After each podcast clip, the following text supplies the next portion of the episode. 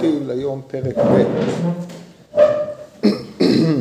אמר רבי אבאו, כן, פה בציון כתוב י' עמוד א', אבל זה בבבא בתרא י' עמוד ב'.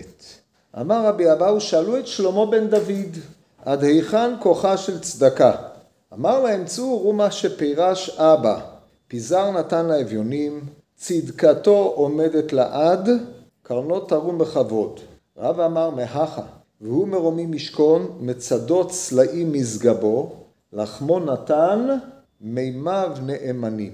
עכשיו ההבדל בין הפסוקים הוא שבפסוק הראשון פיזר נתן לאביונים מתאר את מה שעשה הנדיב, פיזר נתן לאביונים, זה מעניין, קורא לזה פיזר, כן, לכאורה הוא פיזר את מה שהוא נתן לאביונים, דהיינו נתן להם בפיזור, פירושו של דבר נתן להם בשפע, אשר על כן צדקתו עומדת לעד, וקרנו תרום בכבוד.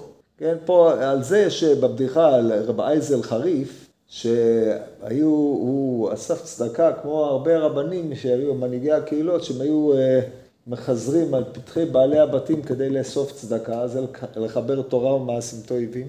ויש אה, מי שלא עשה כן, אה, נידון על זה שהוא לא עשה כן, זה היה תפקידו של הרב בין השאר. על כל פנים, הוא הגיע לבעל הבית אחד, והוא תמיד נתן לו בקביעות את אותו סך, למרות שזה לא היה לפי מעלת כבוד עושרו. אז אז הוא אומר, אף על פי שפיזר נתן לאביונים, צדקתו עומדת לעד. זאת אומרת, כמות הצדקה שהוא נותן היא קבועה. אבל פה אנחנו מדברים על צדקתו, זה לא הצדקה שהוא נותן, אלא מעלת הצדק הניכרת באותו אדם, היא עומדת לעד, ובלבר מזו, קרנו תרום בכבוד. אז יש לנו פה שני ביטויים שמתארים את אותו אה, אדם שפיזר נתן לאביונים, צדקתו, לו הצדקה או הצדק שהוא עשה, היא זו שעומדת לעד, היא נצחית. לבר מזאת, קרנו, קרנו של אותו האיש, כמו וירם קרן לעמו, תהילה לכל חסידיו, הקרן המורמת של אותו אדם זה ביטוי לרוממותו של אותו אדם, היא זו שתרום בכבוד. מה היחס בין אה, שני התארים הללו שמתארים את נותן הצדקה? ולא זו בלבד, אלא שבא רבא ואמר, אני יכול ללמוד את אותה ראייה מפסוק אחר, הוא מביא פסוק בישעיהו, ל"ג או משהו כזה, כתוב שם, פיזר נתן לאביוני, אה, סליחה, כתוב שם, והוא מרומים ישכון, כן, מרומים ישכון זה מקביל לקרנות תרום בכבוד, אלא שמרומים ישכון, הביטוי אצל הנביא מורה על מעלה יתרה, מרומים הוא יותר מאשר קרנות תרום בכבוד, כי מרומים זה במעלה היתרה כפי שעוד מעט נראה, וישכון הוא לשון קביעות כמבואר במורה באלף כ"ה במונח השכינה, שהוא לשון קביעות. מצדות סלעים משגבו, מצדות סלעים זה ביטוי למקומות גבוהים ביותר, מצדות הנמצאים על גבי הסלע, סלע תמיד ביטוי לדבר חזק, ואם מצדה או מצודה על הסלע היא מצודה אשר אה, יש לה יסוד חזק ושם הוא משגבו, כמו אה, משגב לצדיק, ובו ירוץ אה, צדיק ונשגב, כך אומר החכם במשלי, משגב פירושו של דבר שזה מקום גבוה. וכל כך למה? מאחר שלחמו נתן מימיו נאמנים, דהיינו השפיע מלחמו לדל, ומימיו נאמנים, דהיינו היה נאמן לאחרים במימיו. מימיו נאמנים פירושו של דבר שאחרים יכלו לבטוח במימיו. אז אם כן, בניגוד לתהילים, תהילים קי"ב, שם אומר ישעיהו, הוא מהפך את הסדר, הוא מקדים את מעלתו של אותו אדם, ואחרי זה את פועלו, בעוד של אצל דוד המלך עליו השלום, זה הסדר הוא הפוך. מה שאמר שלמה בן דוד, או שלמה בן דוד, כן, זה, זה, טוב, מה שפירש דוד אבא, כן, זה מה שמופיע בתהילים. כן, עכשיו המהר"ל הולך לדון על משמעם של הדברים, כי גם פה אתם רואים שישנם שני דברים, יש לו מלבד זה שמרומים משכון, יש, הוא נזקק עוד לומר שמצדות צלעים משגבו. בשביל מה? אחרי שהוא שוכן מרומים, למה צריך שמצדות צלעים יהיה משגבו? לא די לו בשכינה במרומים. עכשיו המהר"ל יסביר את הצריכותא בין שתי המדרגות הללו שמופיעות הן בדברי דוד המלך והן בדברי ישעיהו. דע כי כוחה של הצדקה שני דברים. האחד, שקונה הפעם מעלה עליונה, אף שהיה לו הנצחית, מה בכך? אם לא היה לו הנצחית, אף שהיה לו המעלה העליונה, אין זה מעלה כיוון שאינה נצחית. כן, המשפט הזה, כמו שהוא מופיע לפנינו, כל העובר עליו יבין שיש פה חיסרון. כי הוא עושה פה איזושהי צריכותא, והוא עוד לא ביאר את שני הצדדים, וישר עובר לצריכותא, ואכן, מתוך בדיקת המקבילה במסכת בבא בתרא בחידושי אגדות למהר"ל, הדברים עולים. עכשיו אתם צריכים לדעת כלל שהרבה מדברי המהר"ל בנתיבות עולם מופיעים בחידושי אגדות. הוא לקח דברים מפה לשם, לפעמים אה, בחסרון לשון ולפעמים בתוספת, והדברים הללו מפרים זה את זה ודברי תורה עניים וכו'. ופה כותב המהר"ל, זה רק אה, תיקון, כי הרעיון כשלעצמו מובן, אבל מבחינת תיקון הלשון כדאי לעמוד על הדברים. פה בחידושי הגדול, בבבא בתרא י' עמוד ב', אומר המהר"ל בזה הלשון, ושתשימו לב מתי, להרגיש את החסרונות בלשונו, כדי לדעת איך להשלים אותם. הוא אומר כך, אה, נמצא את זה, אה. דע כי כוחה של הצדקה שני דברים, תעקבו אחריי בתוך הטקסט ותראו את המשמעות. האחד, הרי הוא אומר שני דברים, אז תגיד מה שני הדברים. אצלנו הוא אמר דבר אחד ועוד לא השלים אותו. האחד, שקונה החיים בצדקה. השני, המעלה העליונה. הוא כאילו אמר מעלה עליונה נצחית. אם כן, יש לנו פה שני דברים, קניית החיים וקניית המעלה העליונה, והם שני דברים חלוקים זה מזה. עכשיו המהר"ל עושה צריכותא ביניהם, שאם לא היה לו מעלה עליונה, אף שהיה לו נצחיות, הוא כאילו אמר מעלה עליונה נצחית, זאת אומרת יש לו האחד שקונה החיים והשני המעלה העליונה. עכשיו החיים והמעלה העליונה שניהם נצרכים. הוא כאילו אמר המעלה העליונה הנצחית, זאת אומרת החיים הם בחינת נצח, המעלה העליונה היא בחינת המעלה, שילוב של שניהם זה המעלה העליונה הנצחית. וזה מה שכתוב אצלנו פה. כוחה של הצדקה שני דברים, אחד קונה הפעם מעלה עליונה, כן, הלשון הפעם, חסר צריך להיות כנראה החיים, או מעלה עליונה, אף שהיה לו הנצחית, מה בכך? אומרים פה חסר. לענייננו זה חיים ומעלה עליונה. החיים הם הנצחיות, והמעלה העליונה, אנחנו נראה, תכף נראה מה עניינה. עכשיו, ואף אם היה לו הנצחיות, זאת אומרת, אלמלא המעלה העליונה, ג' אם היה לו הנצחיות, מה בכך? אם לא היה לו הנצחיות, אף שהיה לו המעלה היותר עליונה, אין זה מעלה, כיוון שאינה נצחית. לפיכך בתורה כתיב למען ייטב לך והארכת ימים. כלומר, שיהיה לו הטוב הגמור, והטוב הגמור הזה יהיה נצחי. אלה שני הדברים. אם כן, יש לנו פה גם במעלת הצדקה הנצחיות והמעלה העליונה. עכשיו, לכאורה, טוען המהר"ל, שאפשר שתהיה לו אדם למעלה עליונה, אבל היא לא תתמיד לו, ולחילופין, אפשר שאדם יזכה לנצחיות, אבל במעלה פחותה. שילוב של שניהם יחד הוא העניין המבוקש, וזה כמו שכתוב בתורה, כמו שהוא אמר, למען ייטב לך וארכת ימים, אמרנו לעולם שכולו טוב, וארכת ימים לעולם שכולו ארוך, שכן באמת יש לדקדק, הרי איזה הוא העולם שהוא לא, כולו טוב, הוא אומר כולו ארוך, מפני שאם היה לו איזשהו פה, הוא היה נגמר, אז הוא לא היה כולו טוב, והוא הדין, עולם שכולו ארוך.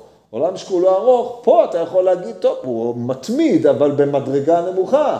ולכן הכולו טוב מעלה את מדרגתו. לפי המהר"ל נצטרך לומר שאדם שזוכה לנצחיות, הוא יכול לזכות לנצחיות במעלה נמוכה, או לנצחיות במעלה גבוהה. מי שזוכה לאיזושהי מדרגת נצחיות נמוכה, הוא חסר כל ימיו. מי שהיה יכול להשיג את המעלה העליונה ולא השיג, אותו חסר הוא עבורו בושה.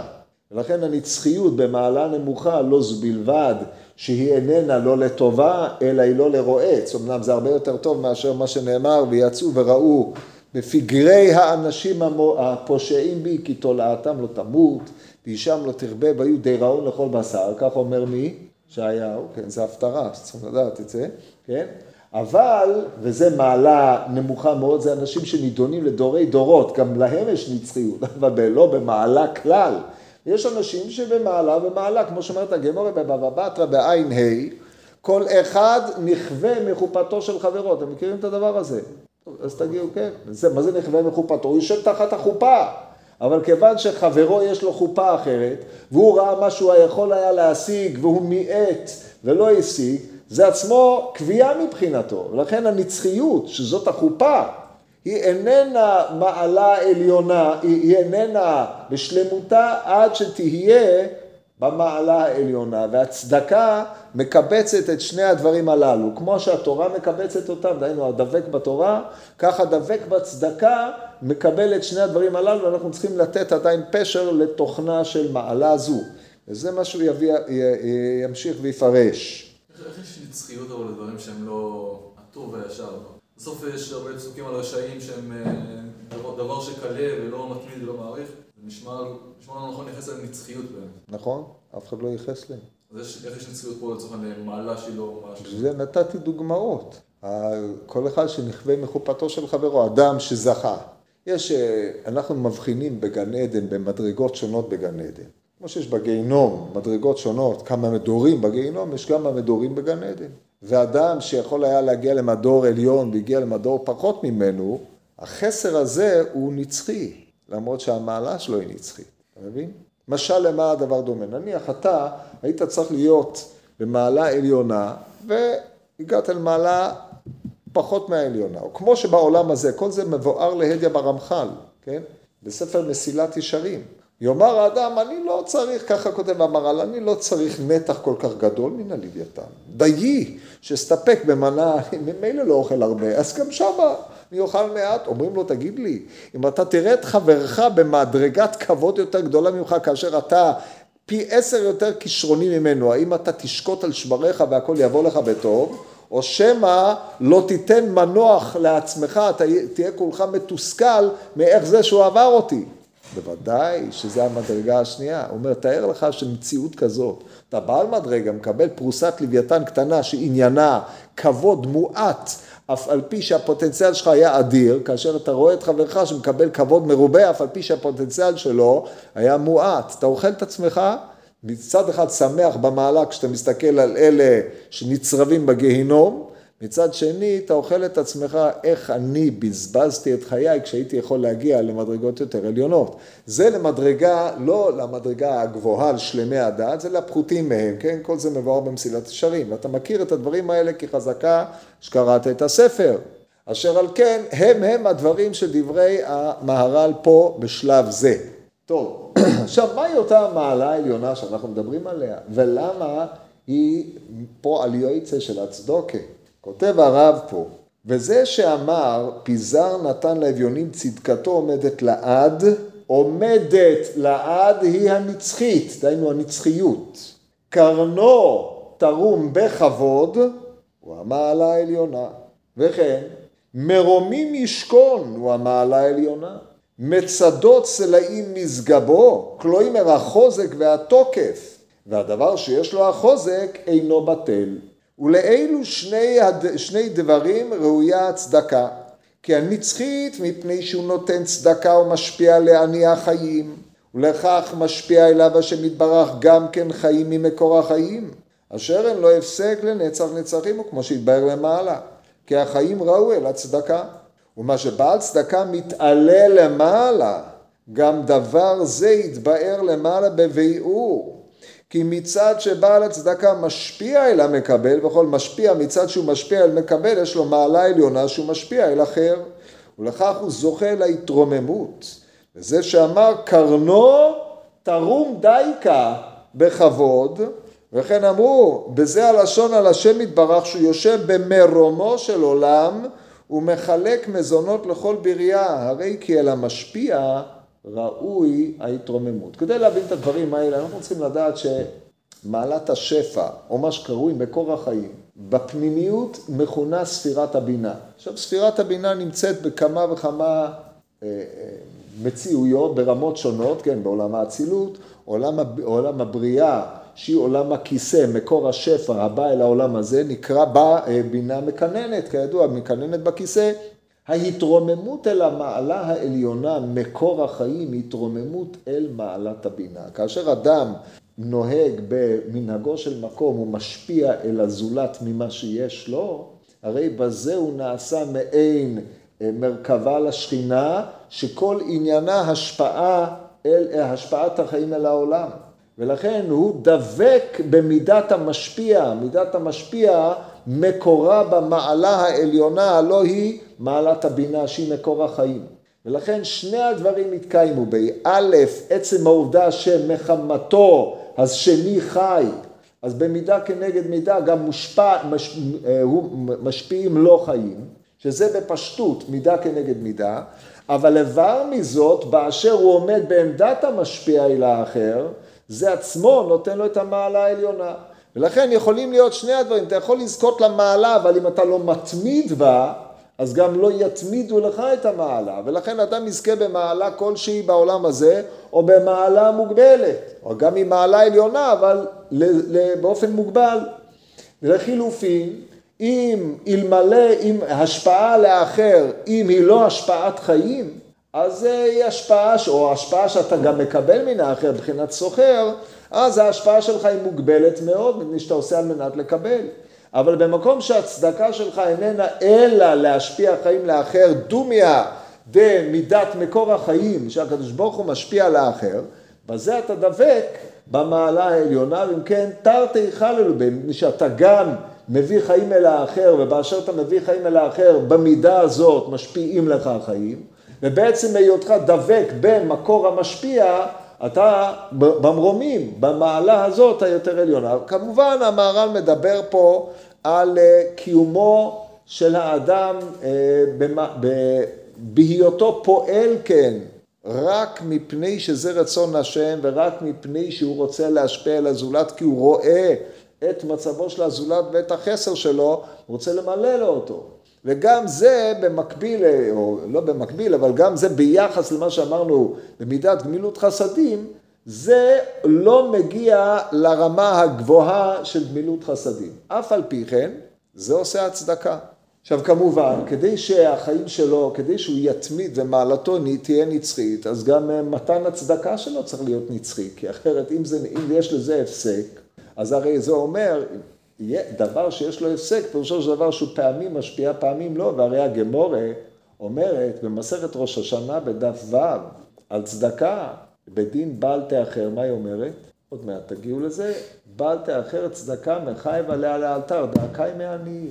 ההנחה היא שתמיד יש עניים. יש עניים בדעת, יש עניים, עניים שחסר להם תשומת לב, עניים שחסר להם כך, וכל אחד אה, עני במה שיש לו.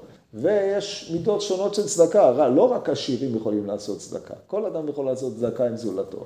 אתה רואה אותו בחסר, תשפיע בו, תן בו, זה כבר נכנס, לזה הרחבה של גמילות חסדים. על כל פנים, גם בצדקה זה קיים.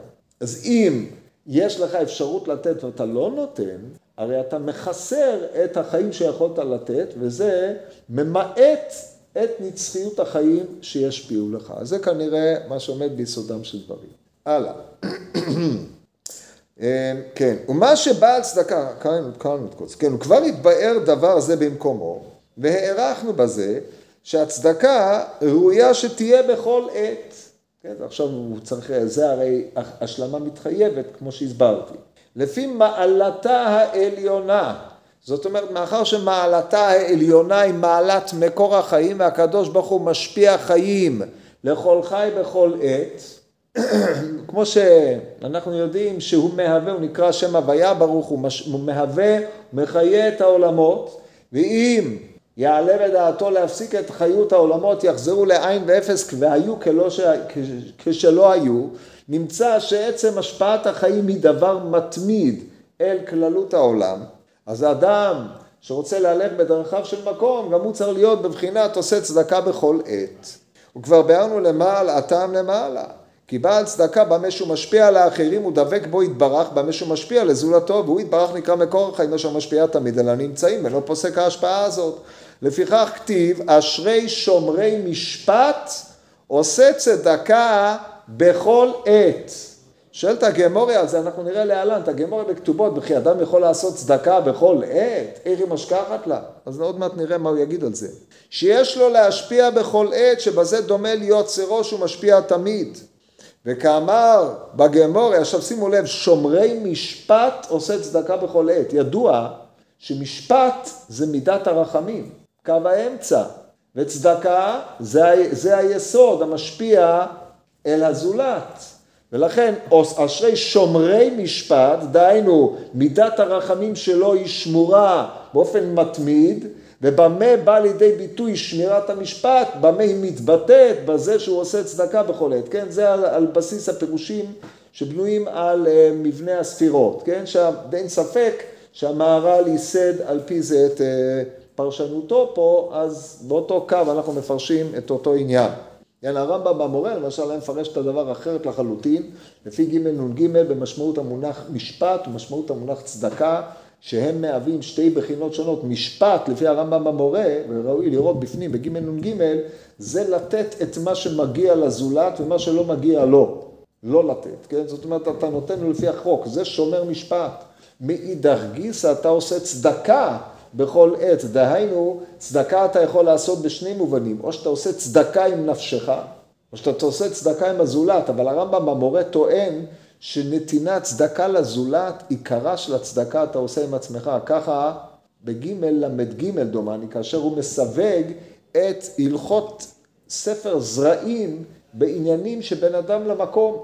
אתה שואל את עצמך, תינח כלאיים, תינח תרומות, מעשר, זה גזירת הכתוב לתת ללוויים את נשיהם, הם משרתי השם, אבל מה זה מתנות עניים? מכאן קם משמע שנתינת צדקה לאחר אדם. אדם עושה צדקה עם מידותיו, ככה מסביר הרמב"ם במורה, דברים נפלאים מאוד, ועל פי זה באר הרמב"ם מה שכתוב, ולך תהיה צדקה לפני השם אלוקיך, על מה זה נאמר?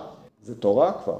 ושכב בשלמתו וירחק, ולך תהיה צדקה לפני השם אלוקיך, מכאן שבעל חוב קונה משכון. זאת אומרת, גם, כן, קידוש עם חטא. ואז איזה, איזה, אתה עושה צדקה בזה שאתה מחזיר את המשכון. מי אתה עושה צדקה? בפשוטו. מה אני אומר הרמב"ם? לא, בעצמך אתה עושה צדקה. פלא פלאים. הדבר הזה מדהים ממש. זאת אומרת, זה לא כתוב במפורש, אבל מי שיקרא את הדברים הללו מתוך ויתבונן בהם יפה, יראה שזה עומק כוונת רבנו והדברים נפלאים. אבל זה לא הקו שמוליך פה המהר"ל. לא משנה, גם את זה אתם צריכים לדעת. ממשיך המהר"ל ואומר, איך אדם עושה צדקה בכל עת? כן, זו שאלת הגמר בכתובות. וכאמר בגמורי במסכת כתובות פרק נערה, אשרי שומרי משפט עושה צדקה בכל עת, וכי אפשר לעשות צדקה בכל עת? אמרתי לכם, למה לא? אני עם קיימי, ככה אומרת הגמורי, אבל בסדר, בכל עת, כשאתה עומד מול אני, תעשה צדקה, אבל כשאתה לא עומד מולו, מה? איזה צדקה אתה עושה? זה לא תלמוד תורה שהוא לא מייאש דעתו ממנו, כמו שכתוב ברי בעלתיס. אתם יודעים על מה אני מדבר? איך אנחנו מברכים ברכת התורה פעם אחת ביום? ברכת, את, ברכת ברכת התורה, הלכת על הפסקת צהריים, חזרת, למה אתה לא מברך עוד פעם ברכת התורה? אין אדם דה מייאש דעתו, גם כאשר בהפסקת צהריים כל הזמן חוזר על השקלא של הגמרא, נושא ונותן נרדם מתוך דברי תורה וקם וחוזר, אז הוא, כיוון שהוא לא ייאש, הוא לא ניתק עצמו מן התורה, כן? זה הסבר של ארי בעל הטייס בדף י"א עמוד ב' במסכת ברכות, צדקה אי אפשר לומר את זה, לא מייאש דעתו, אם יבוא אני, אני אתן, לא יבוא, מה, מה, מה אני אעשה? אני תלוי בו, לא, זה לא תלוי בעצמי, ולכן קושיית הגמרא במקומה עומדת. מתרץ המהר"ל, אה, מתרץ את הגמורה, וכי אפשר לעשות צדקה בכל עת, דרשו רבותינו שביבנה, ואמרי לה רב אליעזר, זה הזן בניו ובנותיו כשהם קטנים. הייתם חושבים שזה דבר טריוויאלי, מה זאת אומרת? מי שלא עושה את זה הוא אדם אכזרי, קבעו את זה בחוק, צריך לשלם מזונות ועוד ועוד, לא, אתה עושה צדקה עד כדי כך. התשובה היא כן, עוד מעט נראה. הזן בניו ובנותיו שהם קטנים. רב שמואל בר נחמני אמר זה המגדל יתום ויתומה בתוך ביתו ומסיען. ואמרו שם, כי המעטה לקמא דרב חיסדא, כן, היה אחד שלא רצה לזון את בניו ובנותיו הקטנים. אנחנו מכירים גמור מסכת עירובין, שאומרת על אדם אחד שעזב את אשתו והלך ללמוד תורה. אמרה לו, ממה אני אפרנס את הבנים? הוא אומר, יש, הוא אמר לה, באחו יש כל מיני קנים, תסתדרי. ויש כאלה שמסרו את הנפש על לימוד התורה, אבל הזניחו את בניהם ובנותיהם לחלוטין, מפני שביסודו של דבר, הזן בניו, ובני, בניו ובנותיו הקטנים עד גיל שש, זה חובה צדקה. משש ואילך לא כופים. כופים במילים, בדברים, אבל לא כופים במעשים. עד שש הוא מחויב על פי דין. אחרי זה, לא, ואנשים, הגיע לילד גיל שש, הלך לעלייה, התיישב שם, למד תורה יומם ולילה, לא הפסקה, ונתן לבן שלו שהעולם יגדל אותו. היו כאלה. אבל, אה, כן, אז זה, זה עושה צדקה בכל עת, ומגדל יתום ויתומה בתוך ביתו, מסיעו. אמרו שם, כי אביעז על קמא דרב חיסדא, אחד שלא רצה לזון את בניו ובנותיו, כן, הוא מדובר פה מגיל שש ואילך כאשר הוא כבר איננו חייב על פי דין, הם לא יורדים לנכסיו ומוצאים ממנו, אלא כופין אותו בדברים. מה עשה רב חיסדא? אמר כפו, אסותא, צריך להיות אשיתא. אשיתא בציבור, מה זה אשיתא? מכתשת. אם תכתוש את האוויל בתוך המכתשת, בתוך הריפות באלים, מה יקרה לו? לא תשום מעליו איוולתו. מה שצריך, המכתשת אפשר להכניס בתוכו את האוויל ולנסות לכתוש, זה לא יעזור, כן? כי הוא אוויל, אבל כל פנים מכתשת זה כלי קיבול גדול, אנחנו יודעים, זה מוקצה מחמת, אה, לפי הגמרא בשבת בקכ"ג, אז הדבר הזה מוקצה מחמת אה, חסרון כיס לדעות מסוימות, על כל פנים קובע לו מקום, כי הדבר הזה הוא דבר כבד וגדול, ולפי הגמרא בעירובין צריך עשרה אנשים כדי לטלטל את זה, או קורה או משהו מעין זה. כל פנים זה דבר גדול. אמר, תכפו את המכתשת, דהיינו תהפכו אותה ותעמדו עליה. אז הוא אומר ככה, כפו עשית או עשית בציבורה, ולימה, ותכריזו על אותו אדם, אור ואביי בני, וההוא גברא לא אביי בני, כן? כתוב, נותן לבהמה לחמה לבני העורב אשר יקראו. מה יקרא משמע לן? הרי הוא נותן גם לעורב עצמו, אלא העורב אכזרי על בניו. מה עושה?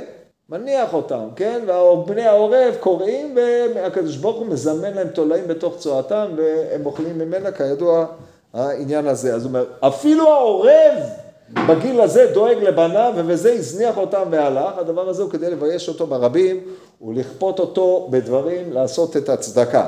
עכשיו נשאלת השאלה, מה, מה נפקא מינה, אה, על איזה כלי הוא עמד כדי להכריז בציבור את הדבר הזה. יכול באותה מידה לעלות על השולחן, לעמוד על כיסא, מה הנפקא מינה לנו שהיה צריך להדגיש שכפו השיטה ועמדו עליה.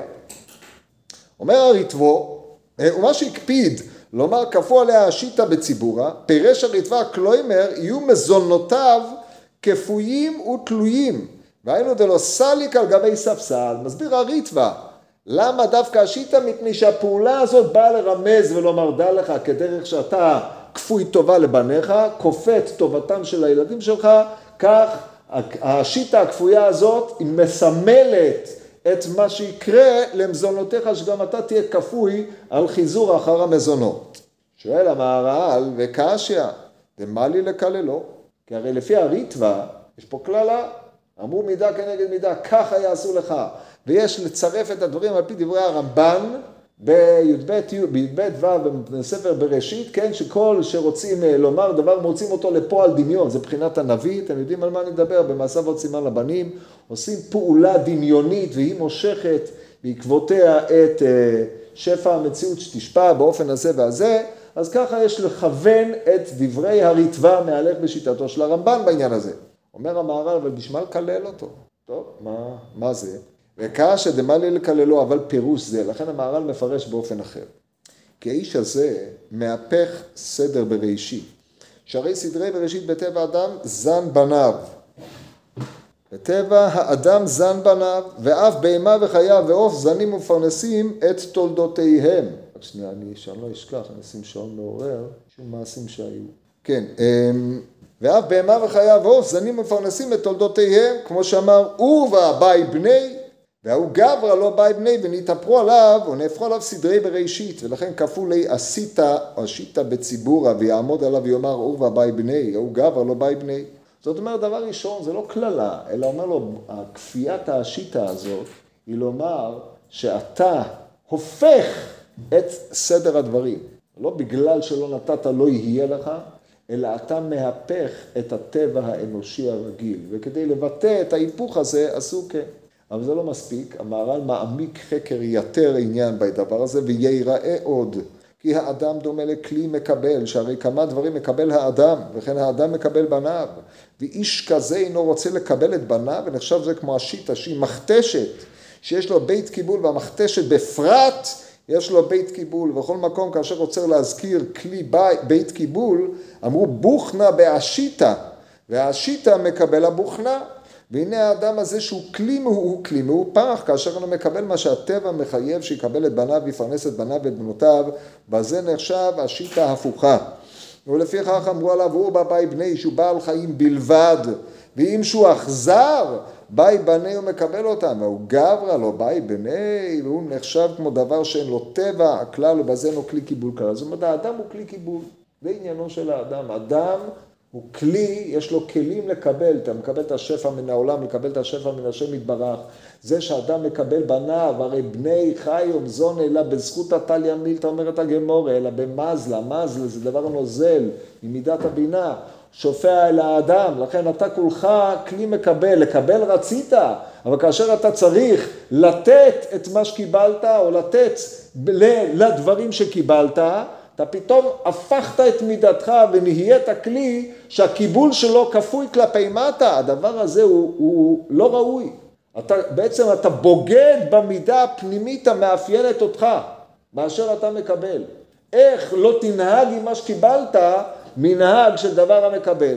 וזה אינו ראוי, אין לזה טבע כלל. ובפרק במאה האישה אמר רבי אבא, אמר רבי שמעון בן לקיש, גדול המלווה יותר מן העושה צדקה, כן, ברמב"ם הלכות מתנות עניים במעלות הצדקה, המעלות היותר גבוהות הם לא הנותן צדקה או נותן מתנות, אלא המלווה, ומי שמוצא תעסוקה לחברו, מטיל מלאי לכיס של תלמידי חכמים, כידוע, כל הדברים הללו הם במעלות היותר עליונות. מה פשרם של הדברים? אומר המהר"ל, אמר רבי אבא, אמר רבי שמעון בן לקיש, גדול המלווה יותר מן העושה צדקה ומטיל מלאי בכיס יותר מכולם. מה זה מטיל מלאי בכיס? דהיינו, הוא בא לתלמיד חכם, אומר, אני רואה שיש לך עשרה שקלים, שים פה, אני איש עסקים, אני מגלגל את הכסף והכל יהיה טוב, מקבל רווחים. זה מה שהוא עושה. ועל ידי כך הוא מרוויח, כיוון שהוא יודע, הוא ממילא לא יושב ולומד, כי הוא לא יכול כל היום לשבת וללמוד, הוא צריך להתעסק, הוא רוצה להתעסק לצורכו, אז הוא גם עושה לתלמיד חכם, ואם כן כספו של התלמיד חכם עושה פירות ופרי פירות בזכותו של אותו האיש. זה מטיל מלאי לכיס של תלמידי חכמים. פירוש כי הצדקה יש עימה חיסרון, כי סוף סוף הוא חסרון המקבל שצריך לקבל, כן, אדם צריך לעמוד לפשוט יד, או אפילו אם הוא לא פושט יד, מעמידים אותו בחזקת מישהו שמקבל מאחרים, גם זה באיזשהו מקום בושה וחיסרון לו לאדם. ומאחר שיש עם הצדקה חיסרון, אין זה כמו המלווה, שאין חיסרון כל כך, כי סופה שתחזור לנותן, כאשר הוא מלווה אליו. ומכל מקום, כאשר צריך להלוואה, הוא חסרון מה? מדוע? מפני שעל כל פנים, עד שלא החזרת, אתה בגדר מקבל. אבל המטיל מלאה היא שאין גנאי ופחיתות כלל למקבל, הוא יותר ויותר, מפני שאתה משתמש בכסף שלו כדי לגלגל את העניינים ולהרבותם. כי בדבר זה אין ספק שכל אשר המעשה הוא יותר טוב בעצמו, טוב בעצמו, דהיינו אתה לא מעמיד את השני כנזקק לך, עכשיו תשימו לב למתח הנפלא שיש פה. מצד אחד המהר"ל דיבר על מעלות הצדקה, שהם השפעת חיים אל האחר, נתינה אל הזולת, שהיא מניחה בהכרח חיסרון אצל הזולת כדי להשפיע לו. ומאידך גיסא, המעלה היותר גדולה היא לא להעמיד את השני בחזקת חסר כדי שתוכל להשפיע לו, ובזה אתה חוזר יותר ומדמה את הדברים לגמילות חסדים מאשר לצדקה. כמו שדיברנו בנתיב גמילות חסדים. על כל פנים הרעיון הוא ככל שתשפיע לו באופן שהוא לא יזדקק ולא תעמיד אותו כחסר, החיים האלה הם חיים מרוממים הרבה יותר. כי בדבר הזה אין ספק שכל המעשה הוא יותר טוב בעצמו, יותר מעלה ויותר טוב. וההלוואה שאין פחיתות וחסרון אליו כמו הצדקה שהוא גנאי וביזיון אליו, ויותר טוב כאשר מטיל מלאי לכיס שאין גנאי אליו כלל. ובפרק השותפים, אמר רב פופא אבסליג בדרגי עליו הסולם השתמית קראי באי למי פעל, עמד ליפול מן הסולם. ואז מה היה קורה? תלוי באיזה גובה הוא היה כמובן, אבל בואו נניח שהוא היה בגובה רציני, שימו לב, חליש דייטה, אמר אשתא כן יחייב מנדסני לי כמחללי שבתות וכעובדי אבוי דזורי. זאת אומרת, הוא אומר, שמא אני מתחייב סקילה כמו חללי שבת, כי הרי הנופל מן הסולם כנופל מבניין שתי קומות, כנראה זה היה סולם גבוה, כן, וזה הרי עונש הסקילה, כן, מפילים אותו מגובה, מבניין, לבית מיוחד היה לו, שמפילים אותו משם. אמר לו רבי חייא ברב מעבדיפתי לרב פאפא, שמא אני בא לידך ולא פרנסתו. דתניא רב שועה בן כוחה אומר כל המעלים, אינם מן הצדוקה, כאילו עובד עבודה זרה. כתיב אחא ישמר לך פן יהיה דבר עם לבבך בליעה לאמור, קרבה שנת השבע שנת השמיטה ורעה אינך באחיך האביון. זה נקרא דבר בליעל. וכתיב האטם, דנו בעיר הנידחת, יצאו אנשים בני בליעל, וידיחו את יושבי עירם. מה להלן אבוידי זורע, אף כאן אבוידי זורע. זאת אומרת, על מי שמעלים עיניו מן הצדקה, זה נורא ואיום, נאמר בן בליעל, כמו שנאמר על מי שעובד עבודה זרה. ההשוואה הזאת היא מבהילה מאוד מאוד, וככה אומרת הגמורת. זה מה שאמר לו לרב פאפא. מה שאמר כי המעלים עיניו מן הצדקה הוא כמו עובד עבודה זרה לכן איתה בפרק מציאת האישה. זו אותה גמורת, כן, שמביאה את אותו עניין. פירוש דבר זה עניין מופלג. איך העלה, מעלים עיניו וצדקה ועובד עבודה זרה מחוברים באותו קו. אומר המהר"ל פה פירוש שני מהלכים נפלאים. המהלך הראשון, כי השם יתברך הוא מקור ושורש, אשר ממנו יושפע הכל, כמו שאמרנו. לפיכך נקרא מקור החיים שהמקור הוא משפיע תמיד בלא הפסק. כך הוא השם יתברך נקרא מקור משפיע תמיד. אבל האבוידי זורה נקראת בורות נשברים, כן? כתוב, לחצוב להם בורות, בורות נשברים אשר לא יכילו המים, כך אומר הנביא. איזה נביא? ירמיה, כן? ככה הוא אומר. עכשיו, בור, מה תפקידו של הבור? בור בדרך כלל כהכיר בהיר ממאה כנקר הרעתה, חמס ושוד יישמע בעל פניי תמיד, חולי ומכה. מי? ירמיהו גם, כן. תפקיד של הבור זה להכיל מים. אבל עבודה זרה זה בורות נשברים אשר לא יכילו המים. כל המים שאתה נותן שם כדי שישמרו, נעלמים. זה בור אכזב, היום תהיה לי כמו אכזב, מים לא נאמנו. מה זה מים לא נאמנו? שאתה בא לשתות, הם לא שם. נספגו בקרקע. זה כל זה ביטויים של הנביא. אם כן, זה היחס בין מקור משפיע תמיד, מקור החיים, השם יתברך, לבין עבודה זרה שכאשר אתה בא נזקק לה, לקבל ממנה משהו, בור נשבר ואין בה כלום. ריקנות שאין בה כלום. עבודה זרה נקראת בורות נשברים לפי שאין בה כוח להשפיע על האחר. והיא כמו בור נשבר שאין בו כוח להשפיע על האחר. שים לב, זה, דימ, זה הדימוי שהוא מדמה, זה הדימוי שמשרת את המראה לצורכנו. זאת אומרת, מישהו שלא זו בלבד, שאין בו, בו תוכן, אלא הוא מי שאמורים להסתמך עליו כדי שישפיע והוא נמנע להשפיע הוא בור נשבר. זה עבודה זרה. ולא זו בלבד, אלא אף מימיו לא יכיל, מפני שהבור חסר, ואיך ישפיע על האחר. לפיכך אמר כל המעלים עיניו מן הצדקה ואינו משפיע את זולתו. מה, מה זה המעלים עיניו מן הצדקה? מי שאין לו מה לתת, הוא לא יכול להעלים עיניו מן הצדקה.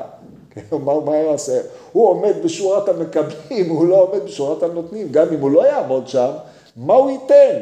אם מבקשים ממנו שקל ואין לו, אין לו. אבל מי שיש לו ולא נותן, הוא המעלים עיניו מן הצדקה. אז הוא בור שאמור להיות מכיל, אבל הבור הזה הוא נשבר, או אי אפשר לסמוך עליו שהוא ייתן ממה שהוא היה צריך לתת. והרי הוא יוצא מן השם יתברך שהוא מקור החיים משפיע ואינו דבק בו יתברך ונחשוב כאילו דבק בעבודה זרה שהם בורות נשברים. לא יכילו המים ואינם משפיעים לזולתם אף כי יש להם שם אלוהות כמו הבור הזה שיש לו שם שיש בו מים אבל הוא נשבר, הוא מכזב, הוא שקר. ואינו דבר בעצמו להשפיע לזולתו כמו שראוי אל האלוהות. לכן המעלים אינם מן הצדקה פורש עצמו מן השם יתברך אשר הוא משפיע תמיד ודבק בעבודה זרה שאינו משפיע כלל. זאת אומרת, המידה הזאת, שכשיש לך ואתה לא משפיע, היא מידת העבודה זרה לעומת המידה האלוקית, זה מהלך א', המהלך ב', הוא הביא, ב... נראה את זה בהמשך, בעזרת השם, שבוע, עוד שבועיים.